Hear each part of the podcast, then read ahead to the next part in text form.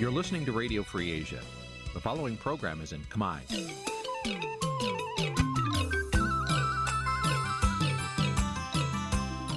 នេះជាកម្មវិធីផ្សាយវិទ្យុអាស៊ីសេរីនេះជាកម្មវិធីផ្សាយរបស់ Vithu Azisari ជាភាសាខ្មែរវិទ្យុអាស៊ីសេរីសូមស្វាគមន៍លោកអ្នកនាងទាំងអស់ពីរដ្ឋធានី Washington នៃសហរដ្ឋអាមេរិកចាប់ពីរដ្ឋធានី Washington នេះខ្ញុំសុកជីវីសូមជម្រាបសួរ លោកអ្នកនាងអ្នកស្ដាប់ Vithu Azisari ទាំងអស់ជាទីមេត្រីយើងខ្ញុំសូមជូនកម្មវិធីផ្សាយសម្រាប់ព្រឹកថ្ងៃសុក្រ13រោចខែផុតត្បុតឆ្នាំខាលចត្វាស័កពុទ្ធសករាជ2566ត្រូវនៅថ្ងៃទី22ខែកញ្ញាគ្រិស្តសករាជ2022ចាស់ជាដំបូងនេះសូមអញ្ជើញលោកអ្នកនាង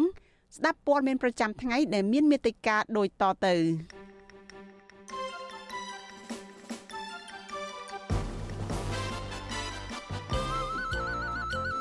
យុវជននិងអ្នកវិភាគរិះគន់សិភៅកូនប្រុសច្បងនាយរដ្ឋមន្ត្រី ដំណើរឆ្ពោះទៅបន្តវេនក្រុមសមាជិកសភាអាស៊ានថ្កោលទោសដំណើរការក្តីសកម្មជន និងថ្នាក់ដឹកនាំគណៈបកសង្គ្រោះជាតិពីបទរួមគំនិតក្បត់គោចបអំពីវនេះដល់អង្គការជាតិនិងអន្តរជាតិដាក់អ្នកសង្កេតការឃ្លាំមើលការបោះឆ្នោតឆ្នាំ2023 សមត្ថកិច្ចខេត្តកណ្ដាលបង្ក្រាបបានជនជាតិចិនជិត100នាក់សង្ស័យរឿងបើកលបែងអនឡាញ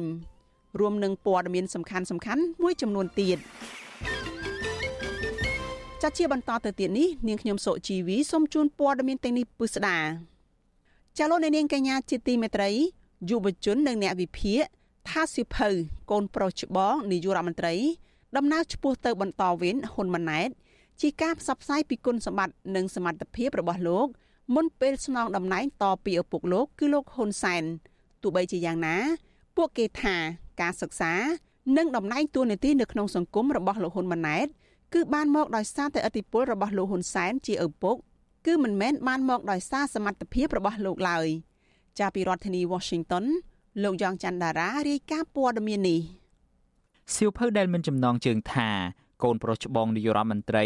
ដំណើរឆ្ពោះទៅបន្តវេនហ៊ុនម៉ាណែតចងក្រងដោយអនុរដ្ឋលេខាធិការក្រសួងព័ត៌មានលោកឆៃសុផលបោះពុម្ពផ្សាយលើកទី1នៅខែកក្កដាមានកម្រាស់305ទំព័រចែកចេញជា3ជំពូកដែលជំពូកនីមួយៗរៀបរាប់អំពីក្រុមគ្រួសារនិងចរិតរបស់លោកហ៊ុនម៉ាណែតរំលឹករឿងអតីតកាលនិងដំណើរឆ្ពោះទៅបន្តវេន។ នៅក្នុងជំពូកទី3ស្ដីពីដំណើរឆ្ពោះទៅបន្តវេនសៀវភៅនេះរៀបរាប់អំពីជីវិតការសិក្សារបស់លោកហ៊ុនម៉ាណែតនៅសហរដ្ឋអាមេរិកសកម្មភាពដោះស្រាយបញ្ហាមួយចំនួនរបស់លោកហ៊ុនម៉ាណែតដូចជានៅបឹងទន្លេសាបបញ្ហាជំងឺ Covid-19 លើកស្ទួយវិស័យអប់រំកងទ័ពការភ្នាល់ជាមួយលោកសំរងស៊ីអារម្មណ៍របស់លោកពេលក្លាយជាបេក្ខជននាយករដ្ឋមន្ត្រី និងរៀបរាប់ពីតំណែងគ្រឿងអេសារិយយុសដែលទទួលបានពីរដ្ឋាភិបាលឪពុករបស់លោក។ យុវជន សកម្មជនបរិស្ថាន និងអ្នកវិភាគយល់ថាសៀវភៅស្ដីពីលោកហ៊ុនម៉ាណែតនេះបោះពុំឡើងដើម្បីប្រមូលការគ្រប់គ្រងពីមហាជន ជាពិសេសយុវជនឲ្យស្វែងយល់ពីប្រវត្តិនិងលក្ខណៈសម្បត្តិរបស់លោកហ៊ុនម៉ាណែតនៅមុនពេលលោកក្លាយជានាយករដ្ឋមន្ត្រីយុវជនរស់នៅខេត្តសៀមរាបលោកថៃរិទ្ធិសែនថ្លែងប្រាប់វិទ្យុអាស៊ីសេរីថាលោកខកចិត្តនៅពេលអានសៀវភៅនេះចប់ពីព្រោះសៀវភៅនេះមិនបានបង្ហាញពីចំណេះដឹងបទពិសោធន៍ ឬដំណើរជីវិតតស៊ូអ្វីឡើយក្រៅពីអួតសរសើរលោកហ៊ុនម៉ាណែត និងដើម្បីវាយប្រហារគណៈបកដទៃទៀតលោកយល់ឃើញថាជីវិតការសិក្សា និងតំណែងតួនាទីនៅក្នុងសង្គមរបស់លោកហ៊ុនម៉ាណែតគឺបានមកដោយសារអធិបុលរបស់លោកហ៊ុនសែនដែលជាឪពុកមិនមែនបានមកដោយសារសមត្ថភាពរបស់លោកនោះឡើយយុវជនរូបនេះបន្តថាក្នុងនាមជាបេក្ខជនបន្តវេនតំណែងកម្ពុជា លោកហ៊ុនម៉ាណែតគួរតែសាងស្នាដៃតាមរយៈការដោះស្រាយបញ្ហារ៉ាំរ៉ៃនៅក្នុងសង្គមវិញដើម្បីឲ្យមហាជនមានទំនុកចិត្ត សភៅនេះខ្ញុំអានហើយវាមានតែខាត់បងពេលវេលាខាត់បងលុយកាក់ខ្ញុំមិនមែនទេ9ដុល្លារ5កាក់ខ្ញុំធ្វើការ2ថ្ងៃមិនបានលុយហ្នឹងអញ្ចឹង2ថ្ងៃខ្ញុំសុខចិត្តប្រវេប្រមាត់បរិបទពីកដើម្បីទិញសភៅហ្នឹងហើយសភៅខ្ញុំគិតថាល្អប៉ុន្តែ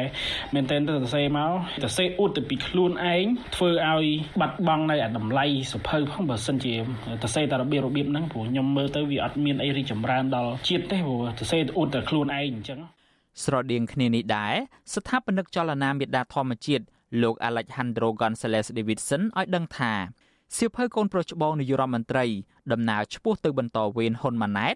ដែលលោកបានអានមកនេះឃើញថាលោកហ៊ុនម៉ាណែតកំពុងចម្លងនយោបាយតាមបែបប្រជាពិធដ្ឋដើម្បីកុហកទៅកាន់មហាជនខណៈលោកមិនទាន់មានស្នាដៃ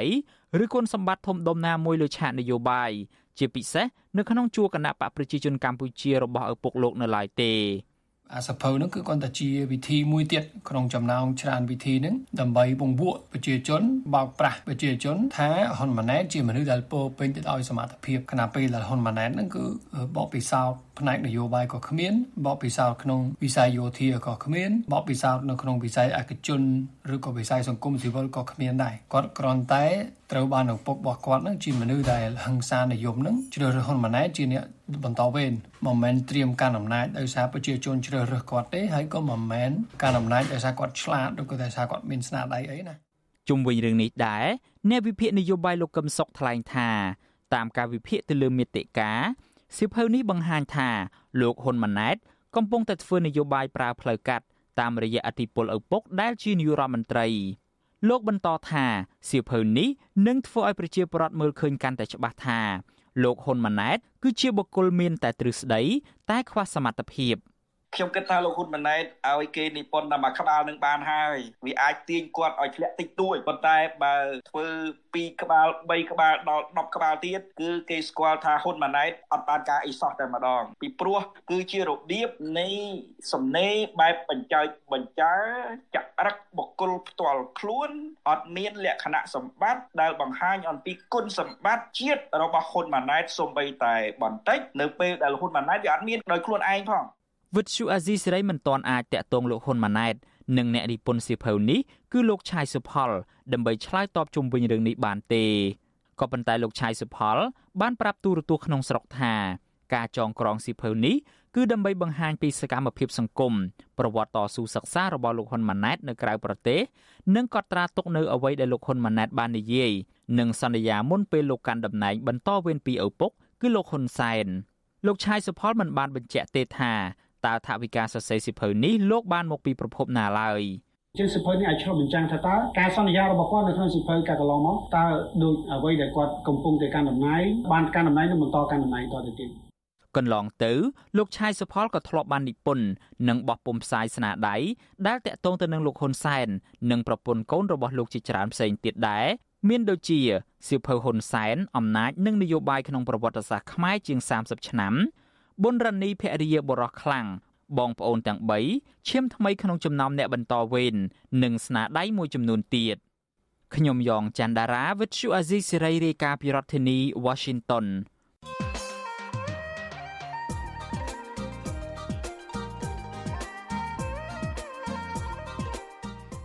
លោកអ្នកនាងកញ្ញាជាទីមេត្រីចក្រណបកប្រជាជនកម្ពុជារបស់លោកយមត្រីហ៊ុនសែនបានជ្រើសរើសលោកហ៊ុនម៉ាណែត ជាបេក្ខជននាយករដ្ឋមន្ត្រីនៅពេលអនាគតតើការជ្រើសរើសលោកហ៊ុនម៉ាណែតជាបេក្ខជននាយករដ្ឋមន្ត្រីនេះជាការជ្រើសយុវជនបន្តវេនឬជាយុវជនបន្តត្រកូល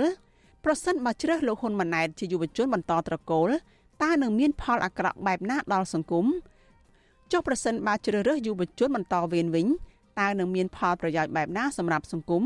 សូមអញ្ជើញលោកអ្នកនាងរងចាំស្ដាប់នេតិវេទិកានៃស្ដាប់វិទ្យុអាស៊ីសេរី ចាដែលនឹងជជែកអំពីបញ្ហានេះនៅយប់ថ្ងៃសុក្រនេះកុំបីខាន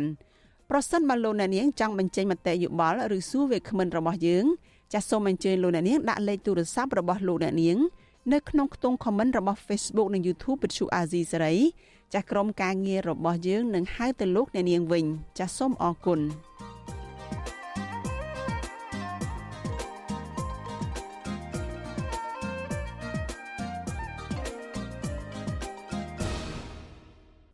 លោកនាងកញ្ញាប្រិយមិត្តជាទីមេត្រីចាព័ត៌មានតកតងនឹងការកាត់ក្តីសកម្មជននៅមេដឹកនាំគណៈបកសង្គ្រោះជាតិវិញម្ដងចាសមាជិកសភាអាស៊ានដើម្បីសិទ្ធិមនុស្សហៅកាត់ថា APHR ថ្កោលទោសតុលាការក្រុងភ្នំពេញដែលបានកាត់ទោសថ្នាក់ដឹកនាំនិងសមាជិករបស់គណៈបកសង្គ្រោះជាតិទាំងវងថាជាទង្វើក្លែងបន្លំគួរឲ្យអាម៉ាស់ព្រមទាំងអំពាវនាវឲ្យសមាគមប្រជាជាតិអាស៊ីអាគ្នេយ៍ហៅកាត់ថាអាស៊ាន និងសហគមន៍អន្តរជាតិចាត់វិធានការមើងម៉ាត់ដើម្បីបញ្ឈប់ការរំលោភសិទ្ធិមនុស្សនិងលទ្ធិប្រជាធិបតេយ្យរបស់លោកនាយរដ្ឋមន្ត្រីហ៊ុនសែនសេចក្តីប្រកាសព័ត៌មានរបស់សមាជិកសភាអាស៊ានដើម្បីសិទ្ធិមនុស្សចេញកាលពីថ្ងៃទី22ខែកញ្ញាម្សិលមិញក៏បានទាមទារឲ្យតុលាការក្រុងភ្នំពេញទម្លាក់ចោលការចោទប្រកាន់ប្រឆាំងនឹងសមាជិកគណៈបកសង្គ្រោះជាតិទាំងនោះនិងដោះលែងពួកគេឲ្យមានសេរីភាពឡើងវិញដោយឥតលក្ខខណ្ឌ ការអំពាវនាវនេះធ្វើឡើងក្រោយពីតុលាការក្រុងភ្នំពេញកាលពីសប្តាហ៍មុននឹងថ្ងៃទី22ខែកញ្ញាម្សិលមិញបានបន្តសវនកម្មលើសំណុំរឿងសកម្មជននិងថ្នាក់ដឹកនាំគណៈបកប្រឆាំងចំនួន39នាក់ពីបទរួមគំនិតក្បត់ដែលក្នុងនោះមានតែសកម្មជនបក3នាក់ប៉ុណ្ណោះដែលកំពុងជាប់ឃុំ បានចូលមកស្ដាប់នៅក្នុងបន្ទប់សវនកម្មចំណែកជនជាប់ចោតចំនួន36នាក់ទៀតរួមមានប្រធានស្ដីទីគណៈបកសង្គ្រោះជាតិលោកសំរងស៊ី អ្នកស្រីមូសុកហួរលោកអេងឆៃអៀងនិងសកម្មជនបកមួយចំនួនទៀតកំពុងលាក់ខ្លួននិងខ្លះទៀតកំពុងនិរទេសខ្លួននៅក្រៅប្រទេសអតីតរដ្ឋមន្ត្រីក្រសួងការបរទេសថៃនិងជាសមាជិកក្រុមប្រឹក្សាពិបាលនៃសមាជិកសភាអាស៊ានដើម្បីសិទ្ធិមនុស្សលោកកាស៊ីតភិរមសង្កត់ធ្ងន់ថាគ្មាននរណាម្នាក់ឈួតលីលាឬជឿទៅលើការបោកប្រាស់របស់លោកហ៊ុនសែនដែលប្រើប្រាស់តុលាការជាអាវុធដើម្បីបង្ក្រាបក្រុមគណៈបកប្រឆាំងនោះឡើយបន្ថែមពីនេះ លោកក៏បានទាមទារឲ្យលោកហ៊ុនសែនទម្លាក់ចោលបទចោទលើពួកគេ និងបង្កើតបរិយាកាសល្អត្រឹមត្រូវដើម្បីអនុញ្ញាតឲ្យគណៈបកប្រឆាំងពិតប្រាកដចូលរួមការបោះឆ្នោតជាតិនៅក្នុងឆ្នាំ2023ខាងមុខប្រកបដោយសេរីយុត្តិធម៌និងតម្លាភាពរហូតមកដល់ពេលនេះសកម្មជនគណៈបកប្រឆាំងនិងអ្នករិះគន់រដ្ឋាភិបាលជាង60នាក់ក្នុងនោះក៏មានមេធាវីខ្មែរអាមេរិកកាំងកញ្ញាសេងធីរីផងដែលកំពុងជាប់ឃុំក្នុងពន្ធនាគារ ដោយសារពួកគេគាំទ្រការធ្វើមេត្តាភូមិនិវត្តរបស់លោកសំរងស៊ីកាលពីចុងឆ្នាំ2019និងការបដិញ្ញាវិលចូលស្រុកវិញរបស់អនុប្រធានគណៈបកនេះគឺអ្នកស្រីមូសុខហួរដើម្បីតតាំងក្តីជាមួយតុលាការកាលពីឆ្នាំ2020តុលាការក្រុងភ្នំពេញបានផ្តន្ទាទោសពួកគេជាបន្តបន្ទាប់ឲ្យជាប់ឃុំក្នុងពន្ធនាគារម្នាក់ម្នាក់ចន្លោះពី3ឆ្នាំកន្លះទៅ7ឆ្នាំពីបទរួមគំនិតក្បត់ញុះញង់ឲ្យយោធិនមិនស្ដាប់បង្គាប់ ញុះញង់ឲ្យប្រព្រឹត្តបទឧក្រិដ្ឋជាអាតនិងញុះញង់ឲ្យមានភាពវឹកវរធ្ងន់ធ្ងរដល់សន្តិសុខសង្គមជាដើមលោកអ្នកនាងកញ្ញាប្រិយមិត្តជាទីមេត្រីចាន់លោកអ្នកកំពុងតែតាមដានការផ្សាយរបស់ Vithu Azizi សេរីចាប់ផ្សាយចេញពីរដ្ឋធានី Washington សហរដ្ឋអាមេរិកចអ្នកវិភាគនយោបាយលោកកឹមសុខលើកឡើងថាលោកនាយរដ្ឋមន្ត្រីហ៊ុនសែនអួតអាងថាកម្ពុជាមានសន្តិភាពដោយសារតែគោលនយោបាយឈ្នះឈ្នះនោះ គឺជាការប្រមាថដល់អង្គការសហប្រជាជាតិដែលបានជួយជ្រោមជ្រែងឲ្យមានកិច្ចព្រមព្រៀងសន្តិភាពទីក្រុងប៉ារីលោកកឹមសុខមានប្រសាសន៍ថាកម្ពុជាក្រោមការដឹកនាំរបស់លោកហ៊ុនសែនធ្វើឲ្យពលរដ្ឋរងទុក្ខភ័យខ្លាចបាត់បង់ឯកភាពជាតិនិងធ្វើឲ្យបរទេសមានឥទ្ធិពលលើកម្ពុជាដូចជាវៀតណាមនិងចិនជាដើមដែលរំលោភទៅលើកិច្ចព្រមព្រៀងសន្តិភាពទីក្រុងប៉ារី លោកហ៊ុនសែនថ្លែងនៅក្នុងឱកាសទិវាសន្តិភាពអន្តរជាតិថ្ងៃទី21ខែកញ្ញាអះអាងថាកម្ពុជាទទួលបានសន្តិភាពទាំងស្រុងចាប់តាំងពីឆ្នាំ1998មក តាមរយៈនយោបាយឈ្នះឈ្នះរបស់លោក ដែលធ្វើឲ្យកម្ពុជារីកចម្រើនគ្រប់វិស័យលោកហ៊ុនសែនបន្ថែមថាក្រោមមលុបសន្តិភាពនេះលោកបានបញ្ជូនកងកម្លាំងជាង8300នាក់ ទៅបំពេញបេសកកម្មថែរក្សាសន្តិភាពរបស់អង្គការសហប្រជាជាតិក្នុងប្រទេសចំនួន9ជាដើមបើទោះជាបែបនេះក្តី អ្នកវិភាគលើកឡើងថា កម្ពុជាសពថ្ងៃមិនទាន់មានសន្តិភាពពិតប្រាកដលោកកឹមសុខបញ្ជាក់ថាដើម្បីឲ្យកម្ពុជាមានសន្តិភាពពិតប្រាកដលុះត្រាតែលោកហ៊ុនសែនអនុវត្តកិច្ចព្រមព្រៀងសន្តិភាពទីក្រុងប៉ារីសឲ្យបានពេញលេញ។ ការងាររបស់អ៊ុនតាក់នោះហើយដែលនាំទៅដល់ការសម្របសម្រួល និងជាផ្លូវនាំទៅដល់ការបង្កើតនៅដង្ហើមលទ្ធិប្រជាធិបតេយ្យនៅប្រទេសកម្ពុជាក៏ប៉ុន្តែក្រមលោកហ៊ុនសែនបែរជាបំផ្លាញចោលដោយការមិនខ្វល់អំពីការគោរពកិច្ចព្រមព្រៀងសន្តិភាពទីក្រុងប៉ារីសនិងបង្កើតនៅអ្វីដែលជាស្នាដៃវិលពិឃាតថ្មីមួយបន្ទាប់ពីសម័យប៉ុលពតគឺពិឃាតវាសនាជាតិខ្មែរដោយ ការប្រើអំពើហិង្សាតាមទំនឹង ចិត្តនិងមិនគោរពរដ្ឋធម្មនុញ្ញកម្ពុជាខ្លួនឯងតាមកិច្ចព្រមព្រៀងសន្តិភាពទីក្រុងប៉ារីភាគីកម្ពុជាសន្យាថាធានាគោរពនិងប្រតិបត្តិតាមគោលការណ៍ប្រជាធិបតេយ្យសិទ្ធិមនុស្សនិងសេរីភាពជាមូលដ្ឋាននៅកម្ពុជាគាំទ្រសិទ្ធិរបស់ពលរដ្ឋកម្ពុជាទាំងអស់ក្នុងការធ្វើសកម្មភាពដែលជំរុញនិងការពារសិទ្ធិមនុស្សជាមូលដ្ឋានព្រមទាំងចូលរួមគោរពកិច្ចព្រមព្រៀងអន្តរជាតិទាំងឡាយ ពាក់ព័ន្ធនឹងសិទ្ធិមនុស្សស្មារតីសំខាន់ជាងគេនៃកិច្ចព្រមព្រៀងនេះគឺការបង្រួបបង្រួមជាតិប៉ុន្តែគោលនយោបាយឈ្នះឈ្នះរបស់លោកហ៊ុនសែននេះធ្វើឲ្យពលរដ្ឋរងទុក្ខបាត់បង់សិទ្ធិសេរីភាព បំផ្លាញប្រជាធិបតេយ្យរំលោភសិទ្ធិមនុស្សនិងបែកបាក់ជាតិ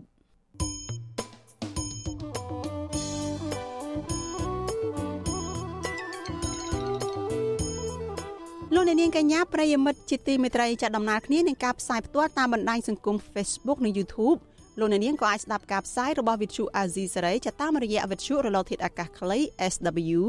តាមកម្រិតនិងកម្ពស់ដូចតទៅនេះពេលព្រឹកចាប់ពីម៉ោង5កន្លះដល់ម៉ោង6កន្លះតាមរយៈរលកធាតុអាកាសខ្លី12140 kHz ស្មើនឹងកម្ពស់ 25m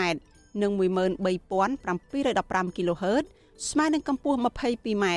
ពេលយប់ ចាប់ពីម៉ោង7កន្លះដល់ម៉ោង8កន្លះតាមរយៈរលកធាតុអាកាសខ្លី9960 kHz ស្មើនឹងកម្ពស់ 30m 12140 kHz ស្មើនឹងកម្ពស់ 25m និង11885 kHz ស្មើនឹងកម្ពស់ 25m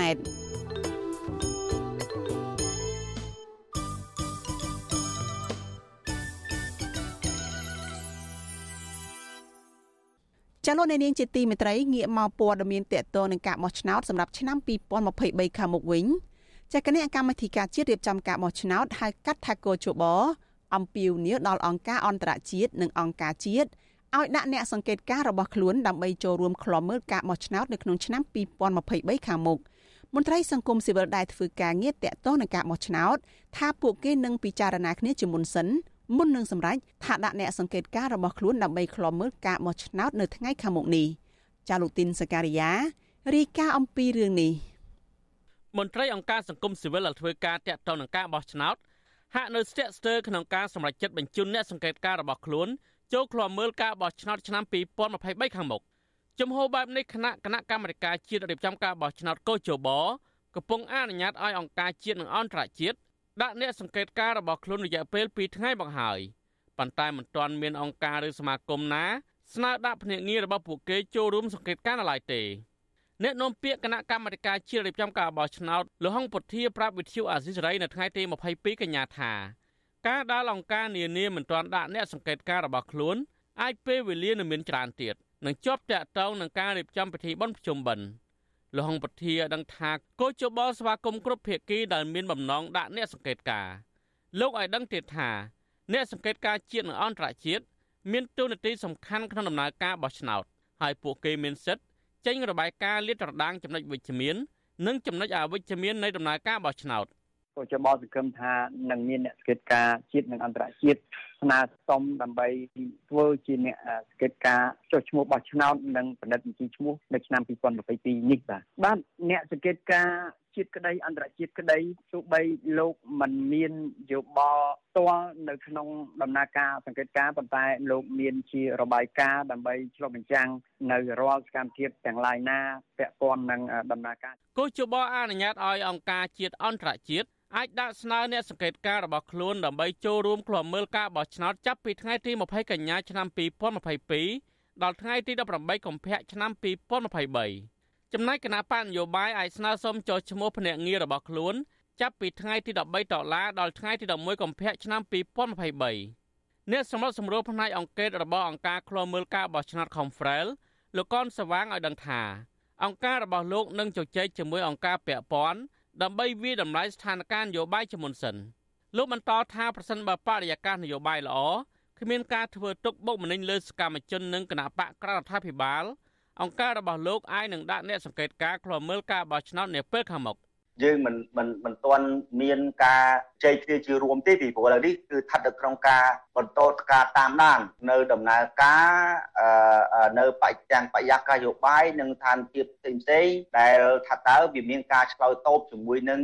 លក្ខខណ្ឌទាំង6ចំណុចដែលអង្គការសង្គមស៊ីវិលបានស្នើសុំឲ្យមានការស្ដារឡើងវិញនឹងគឺថាដល់កម្រិតណាហើយចំណែកឯនាយកប្រតិបត្តិអង្គការឃ្លាំមើលការបោះឆ្នោតនៅកម្ពុជាហៅកាត់ថា Netflix វិញ លោកសំគុណធីមីលើកឡើងថាអង្គការរបស់លោកមានគម្រោងដាក់អ្នកសង្កេតការ ហើយពេលនេះអង្គការរបស់លោកកំពុងស្នើសុំថវិកាទៅស្ថានទូតនានានិងអង្គការអន្តរជាតិឲ្យជួយគាំទ្រថវិកាក្នុងការដាក់អ្នកសង្កេតការនេះលោកថាការដាក់អ្នកសង្កេតការត្រូវការពេលវេលា និងថវិកាដើម្បីបណ្ដោះបណ្ដាលអ្នកទាំងនោះឲ្យคล้ายជាអ្នកសង្កេតការដែលបំពេញការងាររបស់ខ្លួនដោយឯករាជ្យនិងមានវិជ្ជាជីវៈ ចូលរួមប៉ុន្តែគាត់ថាចំនួនអ្នកចេតការប្រហែលជាមិនបានច្រើនដោយសារយើងខ្វះថវិការៀបចំណាបាទបញ្ហាបញ្ហាបាត់ចិត្តទៅបាទបញ្ហាព្រោះយើងអត់មានថាវិការទេយើងមិនបានផ្ដល់រើសយកវិការបានច្រើននេះព្រោះយើងត្រូវការថាវិការបដោះបដាលស្័យត្បិតតែពួកគាត់ស្ម័គ្រចិត្តមែនប៉ុន្តែគ្រាន់តែថាយើងឧបត្ថម្ភជាបាយទឹកថ្ងៃសង្កេតកាយអញ្ចឹងណាមិនជួបបាយធ្វើដំណើរគាត់បាទក្រៅពីអង្គការសង្គមស៊ីវិលអ្នកនាំពាក្យគណៈបកប្រជាជនកម្ពុជាលោកសុកអេសាន និងអ្នកនាំពាក្យគណៈបកភ្លើងទៀនលោកថៃសិដ្ឋាក៏ឲ្យដឹងដែរថាគណៈបកទាំងពីរនេះនឹងដាក់ភ្នាក់ងាររបស់ខ្លួនដើម្បីសង្កេតការបោះឆ្នោតនាពេលខាងមុខដែរតើតើនៅរឿងនេះអ្នករាយការណ៍ពិសេសអង្គការសហប្រជាជាតិលោកវិទិតមុនតបនបានលើកឡើងក្រោយពីបញ្ចប់ដំណើរទស្សនកិច្ចរបស់លោកកាលពីចុងខែសីហាថាលោកនឹងស្នើឲ្យមានអ្នកសង្កេតការណ៍ឯករាជ្យអន្តរជាតិប្រមាណជា3000នាក់ដើម្បីចូលរួមក្លំមើលការបោះឆ្នោតឆ្នាំ2023 លោកជំរិញទៅកោជបឲ្យកាត់បន្ថយអ្នកសង្កេតការណ៍ដែលមានតំណែងតំណងនឹងគណៈបកនយោបាយដោយជំនួសមកវិញនៅអ្នកសង្កេតការណ៍ឯករាជ្យខ្ញុំធីនសាការីយ៉ាអស៊ីសេរីប្រធានីវ៉ាស៊ីនតោនលោកអ្នកនាងកញ្ញាប្រិយមិត្តជាទីមេត្រីលោកអ្នកកំពុងតែស្ដាប់ការផ្សាយរបស់វិទ្យុអាស៊ីសេរីចាប់ព័ត៌មានតកតងនឹងតុលាការកំពូលនៃសាលាក្តីខ្មែរក្រហមតកតងនឹងការសម្រេចក្តីសំណុំរឿងលោកខៀវសំផនឯនេះវិញ ចាត់តុលាការកំពូលសាលាក្តីខ្មែរក្រហម នៅថ្ងៃទី22ខែកញ្ញាម្សិលមិញចេញដីកាសម្រេចតម្កល់សេចក្តីសម្រេចរបស់អង្គជំនុំជម្រះសាលាដំបងផ្ដន្ទាទោសដាក់ពន្ធនាគារលោកខៀវសំផនអស់មួយជីវិតឧបការីអគ្គលេខាធិការអង្គការសហប្រជាជាតិយល់ឃើញថាសេចក្តីសម្រេចរបស់តុលាការខ្មែរក្រហមនេះគឺជាការផ្ដល់យុត្តិធម៌ដល់ជនរងគ្រោះពីសម័យខ្មែរក្រហម ហើយដីកាសម្រេចនេះគឺជាយន្តការមួយដើម្បីផ្សះផ្សាផ្លូវចិត្តដល់ជនរងគ្រោះ ពីសម័យខ្មែរក្រហម និងទប់ស្កាត់កុំឲ្យមានអ ுக ្រិតកម្មមនុស្សជាតិបន្តទៅទៀតចាលោកសេកបណ្ឌិតរាយការណ៍ព័ត៌មាននេះតុលាការកំពូលនៃសាលាក្តីខ្មែរក្រហម ចេញដីកាសម្រេចចុងក្រោយបដិសេធបណ្ដឹងសារទុករបស់ខៀវសំផនដែលរក្សាសេចក្តីសម្រេចរបស់តុលាការដំបូងដដែលតាក់ទងនឹងបទចោទក្នុងករណី002/2ជុំវិញការចោទប្រកាន់លោកតាក់ទងនឹងអំពើប្រល័យពូជសាសន៍ប្រឆាំងនឹងជនជាតិចាម និងជនជាតិវៀតណាម ការរៀបការដោយបង្ខំនិងការរំលោភខ្សែសន្តិវៈនៅទូទាំងប្រទេសការបោសសម្អាតផ្ទៃក្នុង និងឧក្រិដ្ឋកម្មប្រឆាំងមនុស្សជាតិតាមទីតាំងសហគមន៍និងកន្លែងឃុំខ្លួនផ្សេងផ្សេងទៀតក្នុងអង្គជំនុំជម្រះសាលាក្តីខ្មែរក្រហមនៅព្រឹកថ្ងៃទី22ខែកញ្ញាមានអ្នកចូលរួមជាង700នាក់ក្នុងនោះភ្នាក់ច្រើនជាពលរដ្ឋមានវ័យចំណាស់មកពីខេត្តនានាដូចជាខេត្តកោះកុងខេត្តកំពង់ចាម និងខេត្តកំពង់ស្ពឺជាដើម ដែលពលរដ្ឋទាំងនោះត្រូវបានប្រធានភូមិជាអ្នកដឹកនាំចាត់ចែងឲ្យមកចូលរួមស្ដាប់ការកាសសេចក្តីដោយមានឡានក្រុងជូនទៅមក ក្រៅពីនេះក៏មានវត្តមានតំណាងអង្គការសហប្រជាជាតិអង្គទូតនិងអ្នកសារព័ត៌មានជាតិនិងអន្តរជាតិចូលរួមផងដែរប្រធានតុលាការកំពូលនៃសាលាក្តីខ្មែរក្រហមលោកចៅក្រមគង់ស្រីមបានអានដីកាសម្រេចរយៈពេលជាង2ម៉ោង ដោយនៅទីបញ្ចប់សាលដីការបស់តុលាការកំពូល សម្រេចឲ្យលោកខៀវសំផនជាប់ពន្ធនាគារអស់មួយជីវិតដដែលប្រកាសតម្កល់ការប្រកាសទោសដាក់ពន្ធនាគារអស់មួយជីវិតលើខៀវសំផនរបស់អង្គជំនុំជម្រះសាលាដំបងបង្គាប់ថាខៀវសំផនត្រូវស្ថិតនៅក្នុងមន្ទីរឃុំឃាំងអវតក រងចាំការចេញសាធិការមានសម្អាងហេតុពេញលេញនិងការបញ្ចប់នៅការរៀបចំសម្រាប់ការទីដោយអនុលោមតាមច្បាប់ទៅពន្ធនាគារដែលគាត់ត្រូវបន្តអនុវត្តទោសរបស់គាត់នៅក្នុងសវនាការនេះអតីតប្រមុខរដ្ឋកម្ពុជាប្រជាធិបតេយ្យលោកខៀវសំផនដែលមានអាយុ91ឆ្នាំទៅហើយនោះក៏មានវត្តមាននៅក្នុងសវនាការនោះផងដែរដោយលោកត្រូវបានក្រឡាបញ្ជីប្រកាសឲ្យដឹងថា លោកមានសុខភាពល្អបង្គួរលោកបានពាក់ម៉ាស់ពណ៌សនិងជួនកាលបានអង្គុយឈ្ងោកមុខសម្លឹងទៅលើអេក្រង់ទូរទស្សន៍នៅខាងមុខក្រចកសេះដែលចៅក្រមកំពុងអានសារិកាលោកខៀវសំផន និងមេធាវីការពីក្តីរបស់លោក គឺលោកគង់សំអនមិនមានឱកាសថ្លែងសារអ្វីនោះឡើយទោះយ៉ាងណាកាលពីថ្ងៃទី19ខែសីហាឆ្នាំ2021នៅពេលបិទបញ្ចប់សវនាការបណ្ដឹងសារទុក លោកខៀវសំផនបានបដិសេធដាច់អហង្ការថាលោកមិនដែលពាក់ព័ន្ធជាមួយនឹងសោកនាដកម្មប្រឆាំងមនុស្សជាតិនោះទេព្រោះលោកគ្រាន់តែជាសមាជិកមជ្ឈិមបកដែលគ្មានអំណាចសម្រេចកិច្ចការកម្ពុជាដោយគណៈអចិន្ត្រៃយ៍នោះឡើយហើយម្យ៉ាងទៀតនៅក្នុងសម័យកម្ពុជាប្រជាធិបតេយ្យអំណាចគឺមានតែនៅលើក្រមទាហានតែប៉ុណ្ណោះខ្ញុំសូមប្រកាសថាខ្ញុំមិនអាចទទួលបានទេការចោទប្រកាន់ ដែលថាខ្ញុំបានចូលរួមនៅក្នុងផែនការមួយ ដែលមានទិសដៅប្រព្រឹត្តអកតកម្មលើបងប្អូនរួមជាតិឯងក្នុងនោះរំរាប់ទាំងបងប្អូនចាមឬជនជាតិវៀតណាមទោះបីអស់លោកសម្រាប់យ៉ាងណាក៏ដោយខ្ញុំនឹងត្រូវស្លាប់នៅក្នុងគុកខ្ញុំស្លាប់ទៅ ដោយចងចាំជានិច្ចទុកសោកវេទនារបស់ប្រជាជនកម្ពុជា បន្ទាប់ពីសវនាការបានបញ្ចប់ឧបការីអគ្គលេខាធិការអង្គការសហប្រជាជាតិនិងជានាយកទទួលបន្ទុកកិច្ចការច្បាប់លោក Stephen Mathias បានថ្លែងសារទៅកាន់សន្និសីទសារព័ត៌មានដោយលោកបញ្ជាក់ថាលោកមានការកោតសរសើរចំពោះសាលាក្តីខ្មែរក្រហមដែលបានដំណើរការកាត់ក្តីសំណុំរឿង002/2ដោយរលូន និងស្របតាមបទដ្ឋានច្បាប់អន្តរជាតិហើយកិច្ចការនេះគឺជាសក្ខីភាពបញ្ជាក់បន្ថែមថាមិនត្រូវឲ្យមានអំពើនិទានភាពចំពោះសោតនេតកម្មមនុស្សជាតិអន្តរជាតិនោះបន្តទៀតទេលោក Stephen Mathias បន្ថែមថាសេចក្តីប្រកាសនៅថ្ងៃនេះក៏ជាការបង្ហាញថាសហគមន៍អន្តរជាតិបានត្រៀមខ្លួន និងមានឆន្ទៈរួចជាស្រេច ក្នុងការធានាឲ្យមានការទទួលខុសត្រូវចំពោះឧក្រិដ្ឋកម្មធ្ងន់ធ្ងរជាអន្តរជាតិបើទោះបីជាឧក្រិដ្ឋកម្មទាំងនោះត្រូវបានប្រព្រឹត្តទៅអស់រយៈពេលរាប់ទសវត្សរ៍យ៉ាងណាក្តី The delivery of today's judgment highlights that the international community is ready and willing to ensure accountability for the most serious international crimes, even for crimes committed decades ago. ការប្រកាសសាលិកានៅថ្ងៃនេះគូបញ្ជាក់ថាសហគមន៍អន្តរជាតិត្រៀមខ្លួនរួចជាស្រេចនិងមានឆន្ទៈក្នុងការធានាឲ្យមានការទទួលខុសត្រូវចំពោះប្រតិកម្មធ្ងន់ធ្ងរបំផុតជាអន្តរជាតិទោះបីបានប្រព្រឹត្តទៅច្រើនទសវត្សរ៍មកហើយក្តីអង្គជំនុំជម្រះវិសាមញ្ញក្នុងតុលាការកម្ពុជាហៅកាត់ថាសាលាក្តីខ្មែរក្រហមនេះបានដំណើរការអស់រយៈពេល16ឆ្នាំមកហើយចាប់តាំងពីដើមខែកុម្ភៈឆ្នាំ2006រហូតដល់ឆ្នាំ2022នេះដោយចំណាយថវិកា ដែលបានមកពីការផ្ដល់វិភាគទានស្ម័គ្រចិត្តរបស់ក្រមប្រទេសម្ចាស់ជំនួយ ដែលមានចំនួនទឹកប្រាក់330លានដុល្លារក្នុងនោះភាគីជាតិចំណាយអស់94.74លានដុល្លារនិងភាគីអន្តរជាតិចំណាយអស់235.35លានដុល្លារខ្ញុំបាទសេកបណ្ឌិតវិទ្យុអាស៊ីសេរីពីរដ្ឋធានីវ៉ាស៊ីនតោនចាលោកនាងជាទីមេត្រីព័ត៌មានតកតងនឹងការកាត់ទោសលោកខៀវសំផននេះដែរ អតីតកងទ័ពខ្មែរក្រហមនៅតំបន់ប៉ៃលិនសោកស្ដាយចំពោះការសម្ដែងរបស់តុលាការកំពូលនៃសាលាក្តីខ្មែរក្រហម ដែលតម្កល់សាលក្រមរបស់សាលាដំបងដាក់ទោសលោកខៀវសំផនអស់មួយជីវិតពួកគាត់បញ្ជាក់ថាការសោកស្ដាយនេះដោយសារតែសាលាក្តីខ្មែរក្រហមមិនអាចនាំខ្លួនមេដឹកនាំគណៈបកកាន់អំណាចមួយចំនួនឲ្យចូលមកឆ្លើយបំភ្លឺនិងកាត់ទោសដែរអតីតកងទ័ពខ្មែរក្រហមនិងជាអ្នកធ្លាប់ឆ្លងកាត់សម័យកាលសង្គ្រាមយល់ថា តុលាការកំពូលនៃសាលាក្តីខ្មែរក្រហមមិនគួរដាក់ទោសលោកខៀវសំផនអស់មួយជីវិតឡើយព្រោះលោកមិនមែនជាអ្នកទទួលខុសត្រូវខ្ពស់ក្នុងរបបកម្ពុជាប្រជាធិបតេយ្យទេ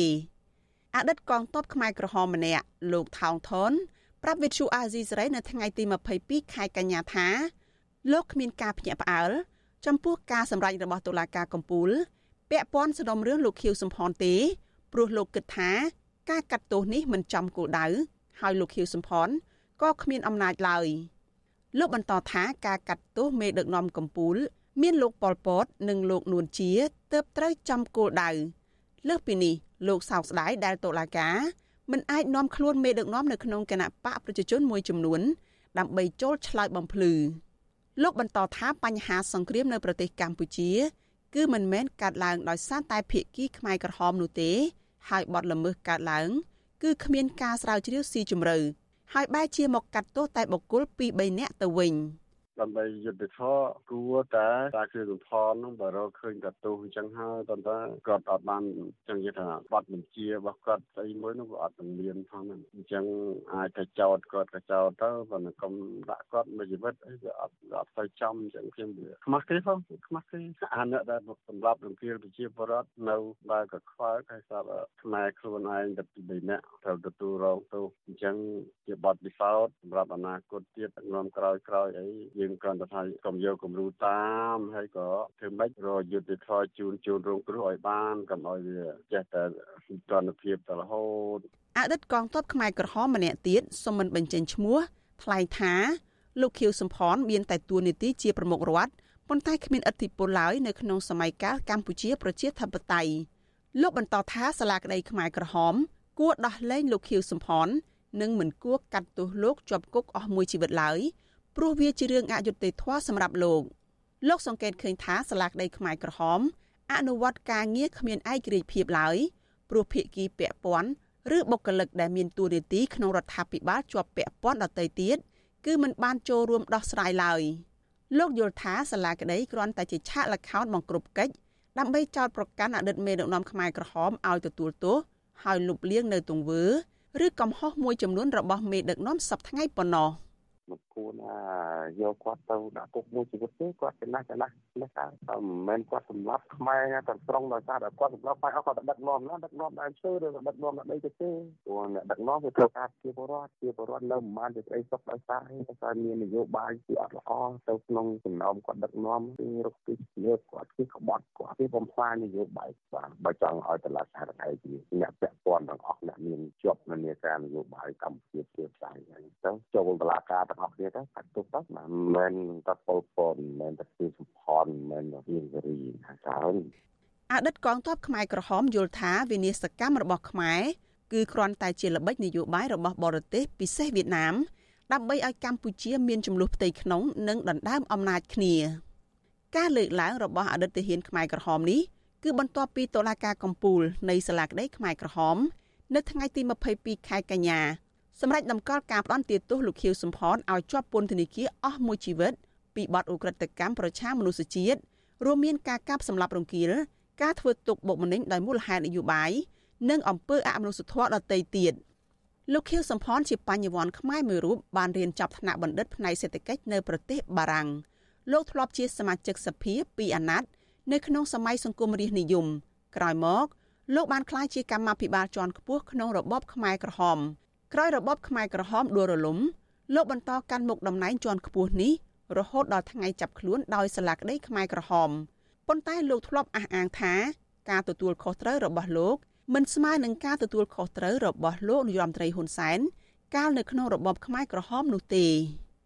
បើទោះជាយ៉ាងណាសេចក្តីសម្រេចរបស់អង្គជំនុំជម្រះតុលាការកំពូល បានបិទផ្លូវតវ៉ានិងចាត់ទុកក្នុងប្រវត្តិសាស្ត្រថាលោកខៀវសំផនគឺជាជនឧក្រិដ្ឋ ត្រូវស្ថិតនៅក្នុងមន្ទីរឃុំឃាំងរបស់សាលាក្តីខ្មែរក្រហមដោយនឹងត្រូវអនុវត្តទោសរហូតដល់ជីវិតចុងក្រោយរបស់លោកចលនានាងកញ្ញាប្រិយមិត្តជាទីមេត្រីចាតតតនឹងសំណុំរឿងក្តីរបស់លោកខៀវសំផននេះដែរចាលោកខៀវសំផនគឺជាជនជាប់ចោតចុងក្រោយគេបង្អស់នៅក្នុងសំណុំរឿង002វគ្គ2ដែលសាលាក្តីខ្មែរក្រហមបិទបញ្ចប់តើអតីតបញ្ញវន្តខ្មែរលោកខៀវសំផនខ្លាយជាមេដឹកនាំជាន់ខ្ពស់ខ្មែរក្រហមដោយរបៀបណា និងលោកមានសារអ្វីខ្លះនៅក្នុងសម្ដីចុងក្រោយរបស់លោកចាលោកអ្នកនាងនឹងបានស្ដាប់ប្រវត្តិសង្ខេបនិងដំណើរជីវិតរបស់លោកខៀវសំផននៅក្នុងកម្មវិធីផ្សាយរបស់យើងនៅពេលបន្តិចទៀតនេះ។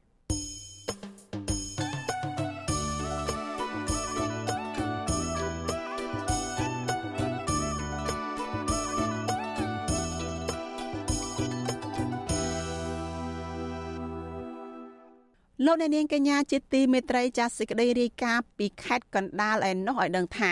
សមត្ថកិច្ចនៅក្នុងខេត្តកណ្ដាលបន្តចាប់ខ្លួនជនជាតិចិនជិត100នាក់បន្ថែមទៀតពាក់ព័ន្ធនឹងរឿងបើកបនលបែងតាមប្រព័ន្ធអនឡាញខុសច្បាប់ អ្នកវិភាគយល់ថារដ្ឋាភិបាល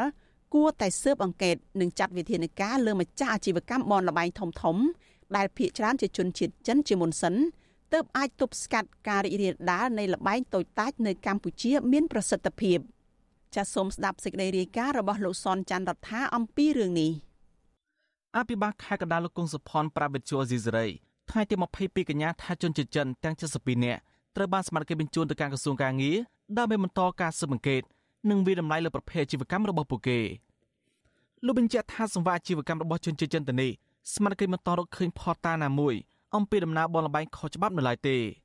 លោកបញ្ជាក់ថាអាជីវកម្មរបស់ជនសង្ស័យទៅនេះគឺជាប្រភេទផ្សព្វផ្សាយពាណិជ្ជកម្ម ស្វែងរកការងារធ្វើតាមប្រព័ន្ធអ៊ីនធឺណិតតែប៉ុណ្ណោះក្នុងនោះក៏ឃើញមានជនជាតិចិនមួយចំនួនមានជាអនឡាញដែលមានជាជាអាច desktop iPad នៅលើតុនេះបាទបើយើងពិនិត្យទៅគឺជាការដែលធ្វើជំនួយអនឡាញតែយើងក៏បានឲ្យខាងយុវដ្ឋានទទួលបន្ទុកទូពិនិត្យល្បែងទីសងមកទូពិនិត្យមើលហើយក៏មានការវិតម្លៃថាតើជាមុខរបរស្របច្បាប់ឬក៏មុខរបរដែលមានបញ្ហាខុសច្បាប់អញ្ចឹងកំពុងតែធ្វើតាមនីតិវិធីឲ្យខាងសមត្ថកិច្ចរបស់ក្រសួងជួយពិនិត្យមើលថែមទៀតកាលពីយប់ថ្ងៃទី20កញ្ញា ស្មារតីខេត្តកណ្ដាលចោទត្រួតពិនិត្យទីតាំងជីវកម្មរបស់ជនជាតិចិនមួយកន្លែងនៅសង្កាត់តាក្ដលក្រុងតាខ្មៅព្រមទាំងបានខកខ្លួនជនជាតិចិន72នាក់ក្នុងនោះ16នាក់មិនមានលិខិតឆ្លងដែននោះទេក្នុងអគារក្រុមហ៊ុនចិនតនី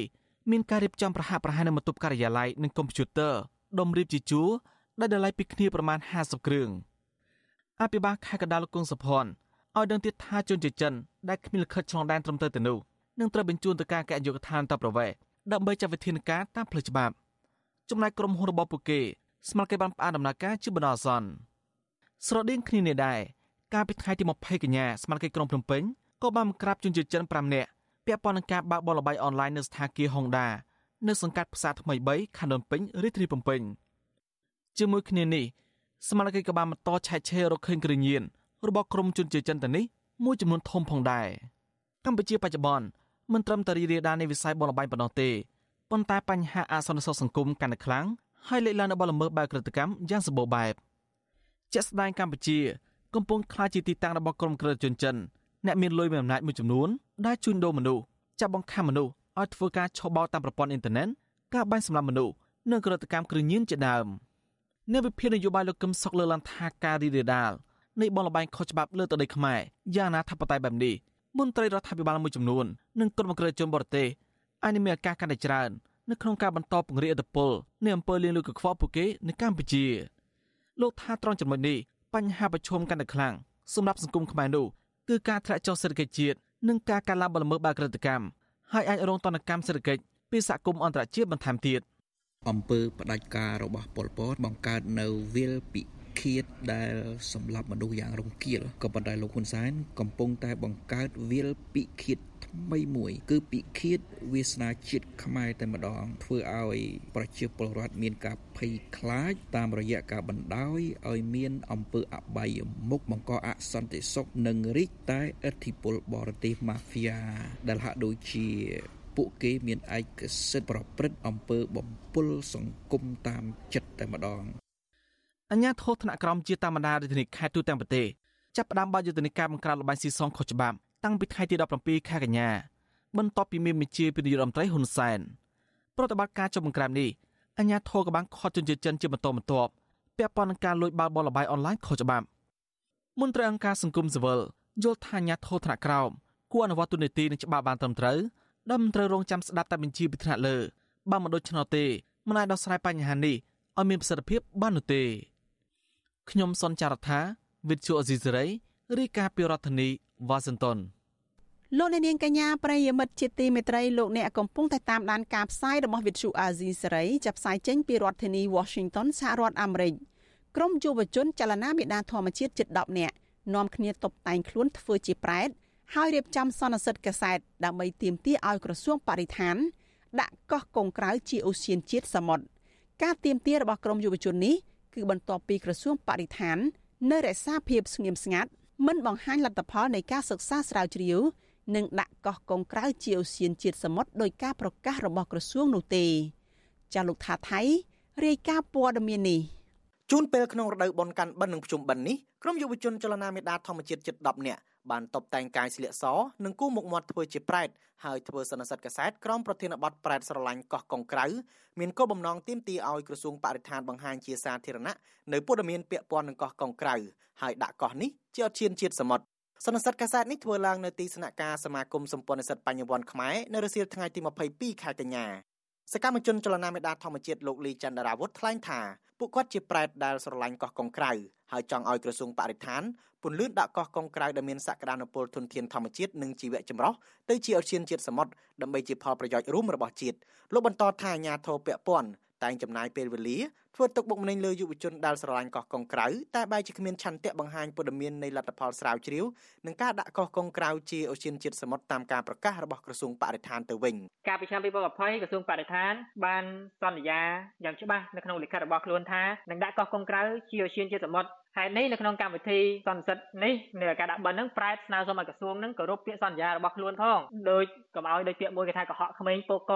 បាទ ហើយយើងសង្ឃឹមថាកោះកុងក្រៅនឹងក្លាយទៅជាអូសៀនជាតិក្រោយពេលប្រែតយើងបានធ្វើសន្និសិទនេះហើយបាទហើយតាមពិតទៅប្រែតយើងក៏ចង់សហការជាមួយក្រសួងបរិស្ថានដែរប៉ុន្តែទាស់តែក្រសួងមិនដែលបើកចិត្តទលាយឆ្លើយតបជាមួយពួកយើងសោះហើយហេតុនេះបើថ្ងៃណាមួយក្រសួងមានការផ្លាស់ប្ដូរចិត្តគំនិតចង់សហការវិញក្រសួងអញ្ជើញមកទទួលទានបាយបិណ្ឌជុំគ្នាជាមួយយើងបាទជជែករឿងបរិស្ថានបាទជាមួយគ្នានេះសកម្មជនចលនាមេដាធម្មជាតិម្នាក់ទៀតកញ្ញាភួនកែវរស្មីព្រួយបារម្ភថាប្រសិនបើក្រសួងបរិស្ថានមិនដាក់កោះកុងក្រៅជាអាស៊ានជាតិសមុទ្រទេ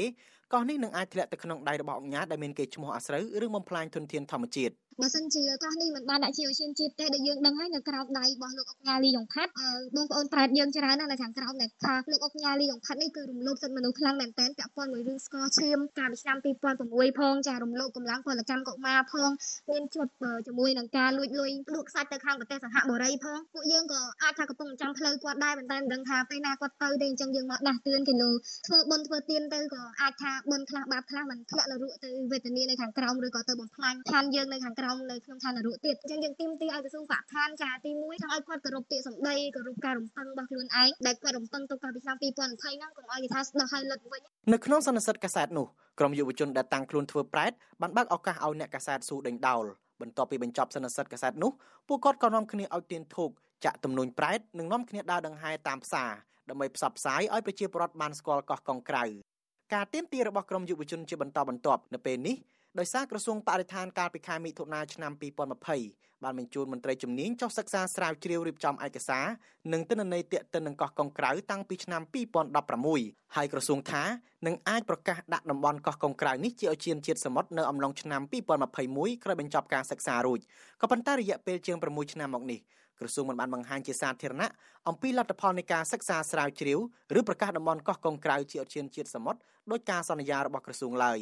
បញ្ហានេះធ្វើឲ្យក្រមយុវជនបារម្ភពីការបាត់បង់តំបន់ធម្មជាតិមួយនេះគណៈតំបន់នោះបានប្រគល់ឲ្យអង្គការលីយ៉ុងផាត់សមាជិកប្រសិទ្ធភាពមកពីគណៈបកប្រជាជនកម្ពុជាសម្រាប់អភិវឌ្ឍតកតងនឹងរឿងនេះវិទ្យុអាស៊ីសេរីមិនអាចសុំការឆ្លើយតបពីអ្នកនាំពាក្យក្រសួងបរិស្ថានលោកណេតភក្ត្រាបានទេដោយទូរស័ព្ទចូលពុំមានអ្នកទទួលទោះជាយ៉ាងណាកន្លងមកលោកណេតភក្ត្រាធ្លាប់លើកឡើងថាក្រសួងពិតជាមានបំណងដាក់កោះកុងក្រៅជាឧទ្យានសមុទ្រប៉ុន្តែមិនអាចបញ្ជាក់ពេលវេលាច្បាស់លាស់បានទេ អ្នកនាំពាក្យសមាគមការពារសិទ្ធិមនុស្សអាត់ហុកលោកសឹងសែនករណាមានប្រសាសន៍ថាសកម្មភាពរបស់ក្រមយុវជននេះគឺជាការតស៊ូមតិដោយសន្តិវិធីនិងស្របតាមច្បាប់លោកជំរុញឲ្យក្រសួងបរិស្ថានឆ្លើយតបជាវិជ្ជមានចំពោះការស្នើសុំរបស់ក្រមយុវជនដោយដាក់កោះកុងក្រៅជាឧទ្យានជាតិសមុទ្រប្រសិនបើមិនចង់ឃើញពួកគាត់បន្តទៀមទាម្ដងហើយម្ដងទៀតបើយើងមើលឃើញពីគោលបំណងនៃការទៀមទារបស់ក្រមយុវជននេះគឺពួកគាត់ទៀមទាមិនមែនដើម្បីផលប្រយោជន៍ខ្លួនឯងទេគឺសម្រាប់ទុករក្សាជាអូសៀនជាតិសម្រាប់ជាប្រយោជន៍រួមរបស់ប្រទេសជាតិដើម្បីបង្ការកុំឲ្យវាបាត់បង់ទៅនឹងវិស័យឯកជនណាមួយអញ្ចឹង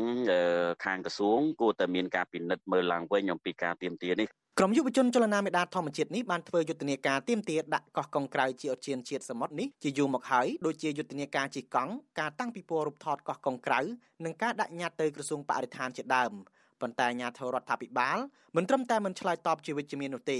ថែមទាំងប្រើកងកម្លាំងសមត្ថកិច្ចរារាំងពួកគាត់ជារៀងរាល់លើកថែមទៀត កោះកុងក្រៅជាកោះដ៏ធំស្ថិតក្នុងលំហសមុទ្រកម្ពុជា មានទីតាំងក្នុងឃុំជ្រោយប្រោះស្រុកកោះកុងខេត្តកោះកុងនិងមានចម្ងាយប្រមាណ30គីឡូម៉ែត្រពីក្រុងខេមរៈភូមិន្ទកោះកុងនេះគ្របដណ្ដប់ដោយព្រៃឈើក្រាស់ខ្មឹកអមដោយទឹកជ្រោះជាច្រើនកន្លែងមានជីវៈចម្រុះជាច្រើនប្រភេទជាពិសេសកោះនេះមានឆ្នេរខ្សាច់សក្បោះនិងទឹកសមុទ្រពណ៌ខៀវស្រងាត់ក្រុមយុវជនដែលធ្លាប់ទៅដល់ទីនោះបញ្ជាក់ថា មូលហេតុដែលកោះកុងអាចរក្សាលក្ខណៈធម្មជាតិរបស់ខ្លួនបានគឺដោយសារតែมันមានប្រជាពលរដ្ឋរស់នៅទីនោះនិងมันមានការអភិវឌ្ឍពីក្រុមហ៊ុនឯកជនពួកគាត់ចង់ឃើញកោះនេះក្លាយជាអូឈានជាតិសមុទ្រដើម្បីផលប្រយោជន៍រួមរបស់ជាតិតាមរយៈការបម្រើវិស័យទេសចរដល់ភ្ញៀវជាតិនិងអន្តរជាតិខ្ញុំថាថៃពីទីក្រុងមែលប៊នលោកអ្នកនាងកញ្ញាជាទីមេត្រីចាតុលាការកំពូលនៃសាលាក្តីខ្មែរក្រហមកាលពីថ្ងៃប្រហ័សម្សិលមិញបានប្រកាសសាលដីកាតម្កល់សាលក្រមសាលាដំបង ផ្ដន្ទាទោសអតីតប្រមុខរដ្ឋរបបកម្ពុជាប្រជាធិបតេយ្យលោកហ៊ីវសំផនដាក់ពន្ធនាគារអស់មួយជីវិតលោកហ៊ីវសំផនគឺជាជនជាប់ចោតចុងក្រោយគេបង្អស់ក្នុងសំណុំរឿង002វគ្គ2ដែលសាលាក្តីខ្មែរក្រហមបិទបញ្ចប់តើអតីតបញ្ញវន្តខ្មែរលោកខៀវសំផនខ្លាយជាមេដឹកនាំជាន់ខ្ពស់នៃរបបខ្មែរក្រហមតាមរបៀបណានិងលោកមានសារអ្វីនៅក្នុងសម្ដីចុងក្រោយរបស់លោកចាលោកលេងម៉ាលីមានសេចក្តីរាយការណ៍ពឹស្ដារជុំវិញរឿងនេះ ក្នុងវ័យ91ឆ្នាំលោកខៀវសំផនគឺជាអតីតមេដឹកនាំខ្មែរក្រហមជាន់ខ្ពស់តែម្នាក់គត់ដែលនៅមានជីវិតក្នុងសំណុំរឿង002របស់សាលាក្តីខ្មែរក្រហមសំណុំរឿងនេះចែកចេញជាពីរគឺសំណុំរឿង002វគ្គ1និងសំណុំរឿង002វគ្គ2សំណុំរឿង002វគ្គ1ផ្ដោតលើអ ுக ្រិតកម្មប្រឆាំងមនុស្សជាតិតាក់ទងនឹងការផ្លាស់ទីលំនៅប្រជាជនដោយបង្ខំចេញពីទីក្រុង និងការសម្លាប់ទាហានរបបសាធារណរដ្ឋខ្មែរនៅទីតាំងសម្លាប់មនុស្សទួលពោលជ្រៃក្នុងខេត្តពោធិ៍សាត់ភ្លាមភ្លាមក្រោយពីខ្មែរក្រហមបានឡើងកាន់អំណាចក្នុងឆ្នាំ1975ចំពោះក្រិតកម្មនេះសាលក្រមសាលាដំបងប្រកាសនៅថ្ងៃទី7ខែសីហាឆ្នាំ2014ដោយបានរកឃើញថាលោកខៀវសំផនមានពិរុទ្ធភាពហើយបានផ្ដន់ទាទោសលោកឲ្យជាប់ពន្ធនាគារអស់មួយជីវិតលោកបានប្តឹងសារទុក ប៉ុន្តែតុលាការកំពូលបានទម្កល់សាលក្រមសាលាដំបងចំណែកសំណុំរឿង002វគ្គ2វិញ គឺតាកតងនឹងបទចោតប្រឡាយពូជសាសន៍អ ுக ្រិតកម្មសង្គ្រាម និងអ ுக ្រិតកម្មប្រឆាំងមនុស្សជាតិដែលសាលាដំបងក៏បានរកឃើញថាលោកខៀវសំផន មានពិរុទ្ធភាពនិងផ្ដន់ទាទោសលោកឲ្យជាប់ពន្ធនាគារអស់មួយជីវិតដែរលោកខៀវសំផនក៏បានប្តឹងសារទុកដែរ ហើយតុលាការកំពូលបានតម្កល់សាលក្រមសាលាដំបងទុកជាបានការនៅថ្ងៃប្រហ័សទី22ខែកញ្ញាឆ្នាំ2022នេះដែរក្នុងដំណើរការកាត់ក្តីទាំងក្នុងសំណុំរឿង002វគ្គ1ទាំងក្នុងសំណុំរឿង002វគ្គ2លោកខៀវសំផនមិនដែលទទួលស្គាល់ថាលោកបានប្រព្រឹត្តទោសកំហុសដោយការចោទប្រកាន់ម្ដងណាទេ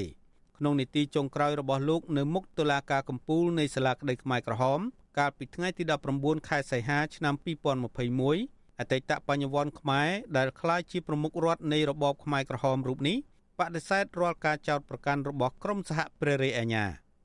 ថ្ងៃនេះជាថ្ងៃចុងក្រោយបំផុតហើយដែលខ្ញុំនិយាយចំពោះមុខអរលោកអង្គជំនុំជម្រះសារានបងបានកាត់ទោសខ្ញុំឲ្យជាប់គុកអស់មួយជីវិតពីរលើកគេថាខ្ញុំបាន ប្រព្រឹត្តអក្រិតកម្មបល័យពូសាប្រឆាំងនឹងជនជាតិវៀតណាមគឺថាខ្ញុំបានប្រព្រឹត្តអក្រិតកម្មប្រឆាំងមនុស្សជាតិគឺថាខ្ញុំទទួលខុសត្រូវអំពីការរៀបការដោយបង្ខំទាំងអស់នេះតាមរយៈសហអក្រិតកម្មរួមប៉ុន្តែខ្ញុំបដិសេធដាច់អហង្ការជានិច្ចកាល ខ្ញុំចង់ឲ្យកម្ពុជាស្ថិតនៅជាឯករាជ្យអធិបតីដែលព្រំដែនរបស់ខ្លួនត្រូវបានប្រទេសជិតខាងគោរពពិសេសវៀតណាមលោកខៀវសំផនបន្តថាតុលាការមិនគួរចាប់លោកឲ្យទទួលខុសត្រូវចំពោះអក្រិតកម្មទាំងឡាយដែលបានកើតឡើងក្នុងរបបខ្មែរក្រហមដោយសារតែលោកបានកាន់តំណែងជាប្រធានគណៈប្រធានរដ្ឋមួយរយៈពេលនោះទេ លោកថាលោកក៏ត្រូវបានលើកបន្ទប់ជាប្រមុខរដ្ឋនៅពេលនោះបន្ទាប់ពីសម្ដេចព្រះនរោត្តមសីហនុបានលាលែងចេញពីតំណែងដែលគ្មានអំណាចនោះលោកអះអាងថាក្នុងតំណែងដែលមានតែសម្បកនេះលោកមិនបានដឹងអំពីការកាប់សម្លាប់មនុស្សនៅអំឡុងពេលនោះឡើយខ្ញុំសូមប្រកាសថាខ្ញុំមិនអាចទទួលបានទេការចោទប្រកាន់ដែលថាខ្ញុំបានចូលរួម នៅក្នុងផែនការមួយ ដែលមានទិសដៅប្រព្រឹត្តអកតកម្ម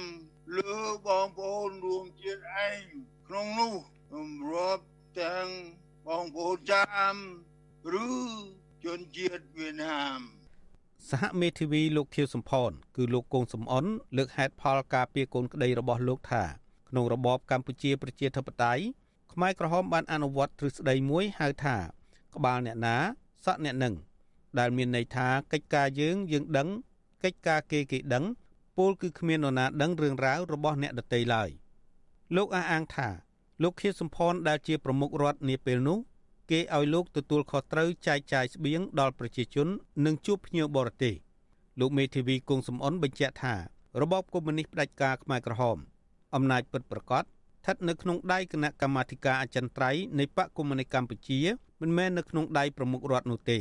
ពីឆ្នាំ70ដល់75ពេលទទួលបានជ័យជំនះហ្នឹងលោកជាសំផនក៏បានចូលរួមជាមួយនៅក្នុងក្រុមខ្មែរក្រហមប៉ុន្តែលោកគ្រាន់តែជាសមាជិកមជ្ឈិមម្នាក់ត្រៀមមិនទាន់បានពេញសិទ្ធិផងអញ្ចឹងក្នុងសមាជិកមជ្ឈិមនោះមានច្រើនអ្នកហើយមិនមែនជាសមាជិកអចិន្ត្រៃយ៍ទេហើយគោលនយោបាយដែលដឹកនាំដោយបកកុម្មុយនីសកម្ពុជាសម័យនោះគឺដឹកនាំដោយគណៈកម្មការអចិន្ត្រៃយ៍មិនមែនដឹកនាំដោយមជ្ឈិមទេទេសេចក្តីសម្រេចគោលនយោបាយចេញពីអចិន្ត្រៃយ៍ហើយយកទៅឲ្យ ផ្សព្វផ្សាយទៅមជ្ឈិមបកហ្នឹងគ្រាន់តែជាកន្លែងដូចជាថ្នាលពង្រៀនឲ្យយល់ពីបន្តនយោបាយអញ្ចឹងបាទហើយលោកខៀវសំផនសម័យហ្នឹងគឺគាត់មិនបានទាំងជាសមាជិកមជ្ឈិមផងរហូតដល់ចុងក្រោយបំផុតហើយបាទគាត់បានខ្លាយជាសមាជិកមជ្ឈិមហ្នឹងដោយសារអីដោយសារគាត់ត្រូវជំនួសតំណែងជាប្រមុខរដ្ឋរបស់សម្ដេចនរោត្តមសីហនុពេលដែលទ្រង់លាលែងពីប្រមុខរដ្ឋរបស់កម្ពុជាប្រជាធិបតេយ្យទោះជាយ៉ាងណាក្តី អតីតប្រធានក្រុមស៊ើបអង្កេតនៃការិយាល័យសហព្រះរាជអាជ្ញាសាលាក្តីខ្មែរក្រហមបណ្ឌិត Craig Etchison និយាយថាពិតមែនហើយដែលពេញមួយរបបខ្មែរក្រហមលោកខៀវសំផនមិនទាន់ក្លាយជាសមាជិកពេញសិទ្ធិនៃគណៈកម្មាធិការអចិន្ត្រៃយ៍នៃបកកុម្មុយនីសកម្ពុជាទេប៉ុន្តែទោះជាបែបនេះក្តីលោកថាមានផុសតាងជាច្រើន ដែលបញ្ជាក់ថាលោកខៀវសំផនបានចូលរួមជាច្រើនរាប់មិនអស់ក្នុងកិច្ចប្រជុំគណៈកម្មាធិការអចិន្ត្រៃយ៍នៃបកកុម្មុយនីសកម្ពុជា Uh, this is why his appeals have no chance of him being declared not guilty of all of the charges. នេះហើយជាហេតុផលដែលរាល់បណ្ដឹងសារទុករបស់លោកខេសំផនត្រូវបានតុលាការកំពូលរកឃើញថាលោកមានទោសដដែលនោះពីព្រោះថាមិនមែនមានតែអង្គហេតុមួយទេប៉ុន្តែមានរាប់ពាន់អង្គហេតុដែលព្រះរាជអាជ្ញាបានលើកយកមកបង្ហាញថាលោកខៀវសំផនមានពិរុទ្ធ កំណត់ហេតុប្រជុំគណៈកម្មាធិការអចិន្ត្រៃយ៍នៃបកកុម្មុយនីសកម្ពុជា ដែលជាភ័ស្តុតាងរស់បានបង្ហាញថាលោកខៀវសំផនបានចូលរួមនៅក្នុងកិច្ចប្រជុំគណៈកម្មាធិការអចិន្ត្រៃយ៍នេះជាច្រើនដង ហើយប្រធានបទនៃកិច្ចប្រជុំទាំងនោះរួមមានការផ្ដោតលើកិច្ចការបរទេសកិច្ចការសន្តិសុខបញ្ហាក្នុងស្រុក និងកិច្ចការសេដ្ឋកិច្ចជាដើមកំណត់ហេតុប្រជុំគណៈកម្មាធិការអចិន្ត្រៃយ៍បកកុម្មុយនីសកម្ពុជាទាំងនោះ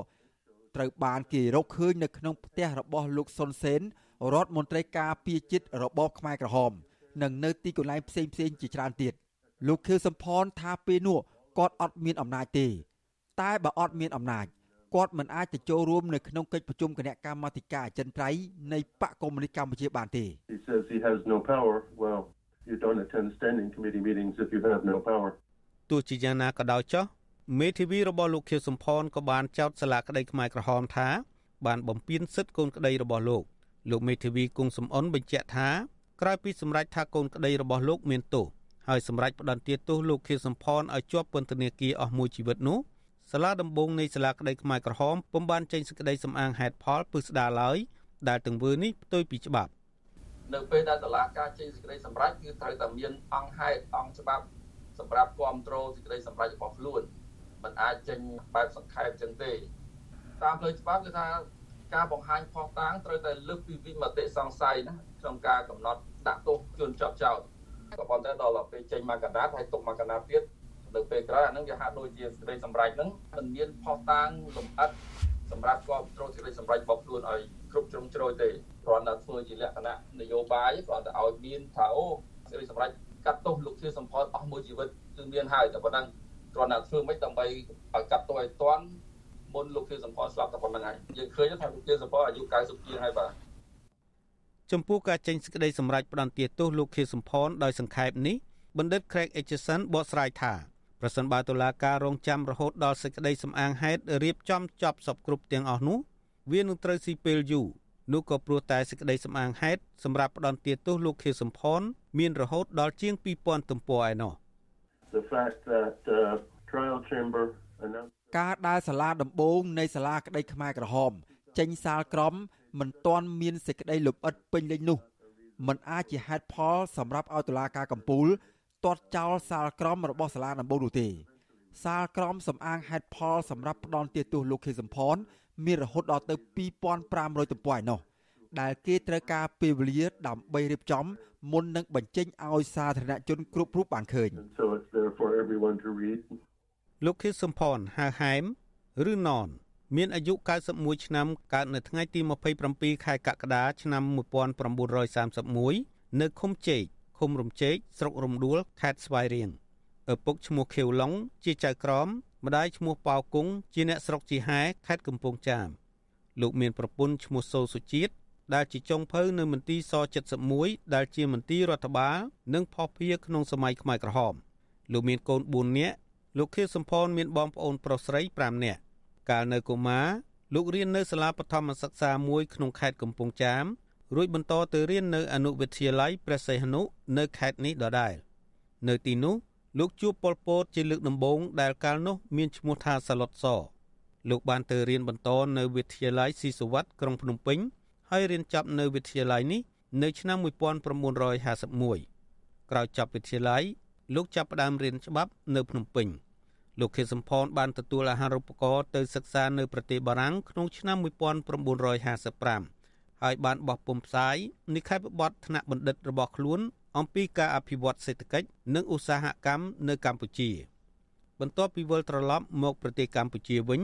លោកខៀវសំផនបានក្លាយទៅជាសាស្ត្រាចារ្យបន្ទាប់មកត្រូវបានតែងតាំងជារដ្ឋលេខាធិការក្រសួងពាណិជ្ជកម្មនៅឆ្នាំ1962ក្នុងរបបសង្គមរាស្ត្រនិយមលោកបានបង្កើតនិងធ្វើជាចាងវាងកាសែតជាភាសាបារាំងឈ្មោះ L'Observateur លោកខៀវសំផនថាកាសែតរបស់លោកមិនមែនគ្រប់គ្រងកុម្មុយនីសទេប៉ុន្តែកាសែតរបស់លោករិះគន់រដ្ឋាភិបាលសម្ដេចនរោត្តមសីហនុទោះជាយ៉ាងណាក្តី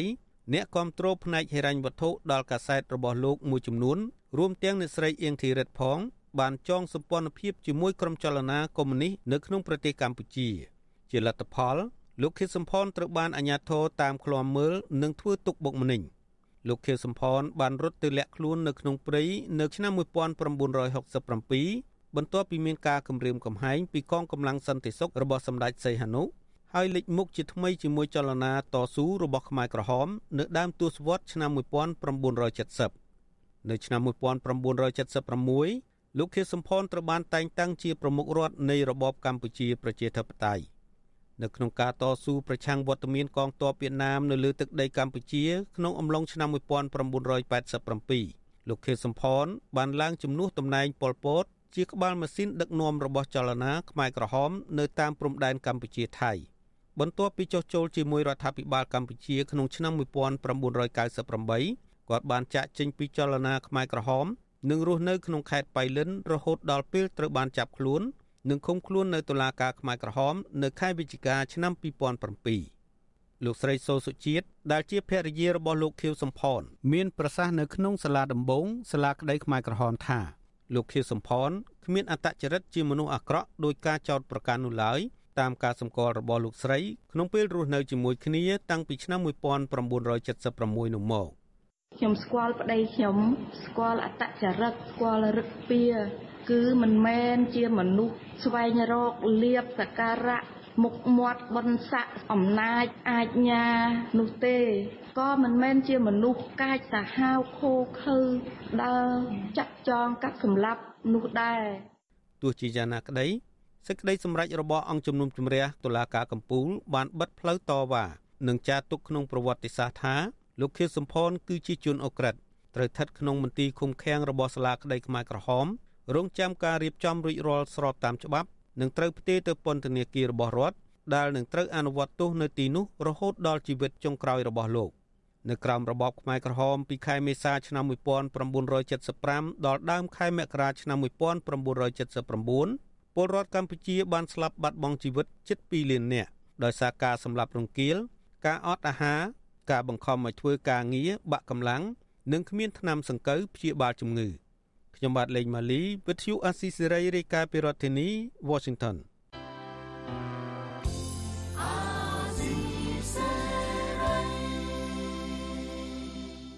លោកអ្នកនាងកញ្ញាប្រិយមិត្តជាទីមេត្រីការផ្សាយរបស់វិទ្យុអាស៊ីសេរីជាភាសាខ្មែរនៅព្រឹកនេះចាប់ត្រឹមតែប៉ុណ្ណេះនាងខ្ញុំសុជីវីព្រមទាំងក្រុមការងារទាំងអស់នៃវិទ្យុអាស៊ីសេរីចាសសូមជូនពរដល់លោកអ្នកនាងកញ្ញានិងក្រុមគ្រួសារឲ្យប្រកបតែនឹងសេចក្តីសុខចម្រើនរុងរឿងកុំបីឃ្លៀងឃ្លាតឡើយនាងខ្ញុំសូមអរគុណនិងសូមជម្រាបលា